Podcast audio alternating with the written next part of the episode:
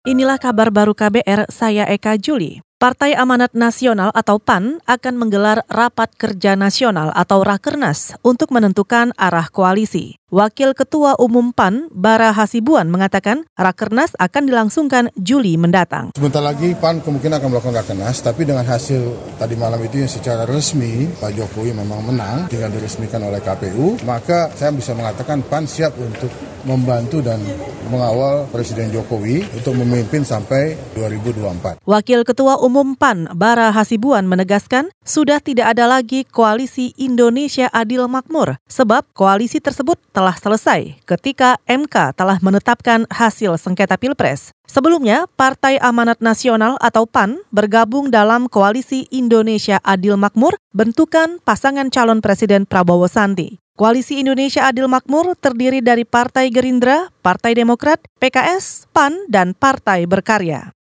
Sementara itu, Partai Keadilan Sejahtera atau PKS akan menentukan sikap politik setelah melaksanakan musyawarah Majelis Syuro. Ketua Dewan Pimpinan Pusat PKS Mardani Alisera mengatakan, meski musyawarah belum berlangsung, namun tidak menutup kemungkinan bahwa partainya akan menjadi oposisi pemerintah. Tetapi kalau saya pribadi sudah membuat tweet, sebaiknya koalisi adil makmur menjadi oposisi yang kritis dan konstruktif. Itu tadi Ketua Dewan Pimpinan Pusat PKS Mardani Alisera. PKS juga akan bertemu dengan partai-partai koalisi Indonesia Adil Makmur untuk menentukan sikap politik pasca putusan Mahkamah Konstitusi. Kemarin, Majelis Hakim Konstitusi menolak seluruh gugatan sengketa hasil pemilu presiden 2019 yang diajukan pasangan calon presiden, calon wakil presiden Prabowo Sandi. Dan hal ini menjadikan pasangan calon presiden dan wakil presiden incumbent Joko Widodo Ma'ruf Amin otomatis memenangkan pemilihan presiden 2019.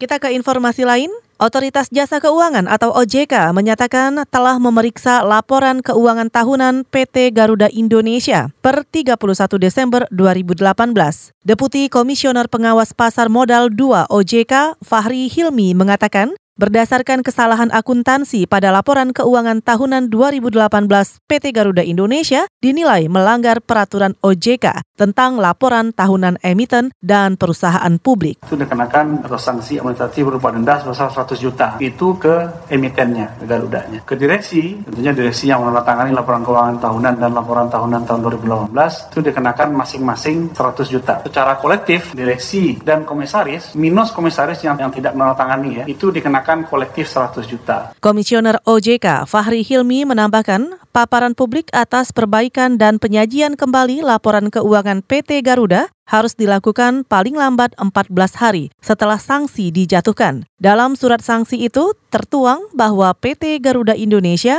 juga melanggar pasal tentang pasar modal. Kita ke Kalimantan Timur, pemerintah kota Balikpapan memastikan tidak lagi menggelar operasi pendatang atau justisi di bandara, pelabuhan, maupun terminal bus Pelaksana tugas Kepala Dinas Kependudukan dan Catatan Sipil Kota Balikpapan, Hizbullah Helmi mengatakan, setiap pendatang yang tinggal dan bekerja di Kota Balikpapan wajib mengurus surat keterangan domisili atau ber-KTP setempat. Sekarang ini pokoknya setiap ada pendatang baru masuk di pelabuhan dan lain sebagainya, ya dihimbau untuk segera ngurus KTP Balikpapan. Yang melakukan pemantauan kan di tingkat level RT dan kelurahan. Nah nanti di situlah biasanya kelurahan melakukan pemantauan ke RT-RT, kos-kosan misalnya begitu. Pelaksana tugas Kepala Dinas Kependudukan dan Catatan Sipil Kota Balikpapan, Hizbullah Helmi juga menambahkan, dari hasil pendataan yang dilakukan tahun 2018 hingga saat ini, jumlah pendatang yang belum mengurus surat domisili atau memiliki KTP Balikpapan mencapai 17.000 orang. Saudara demikian kabar baru, saya Eka Juli.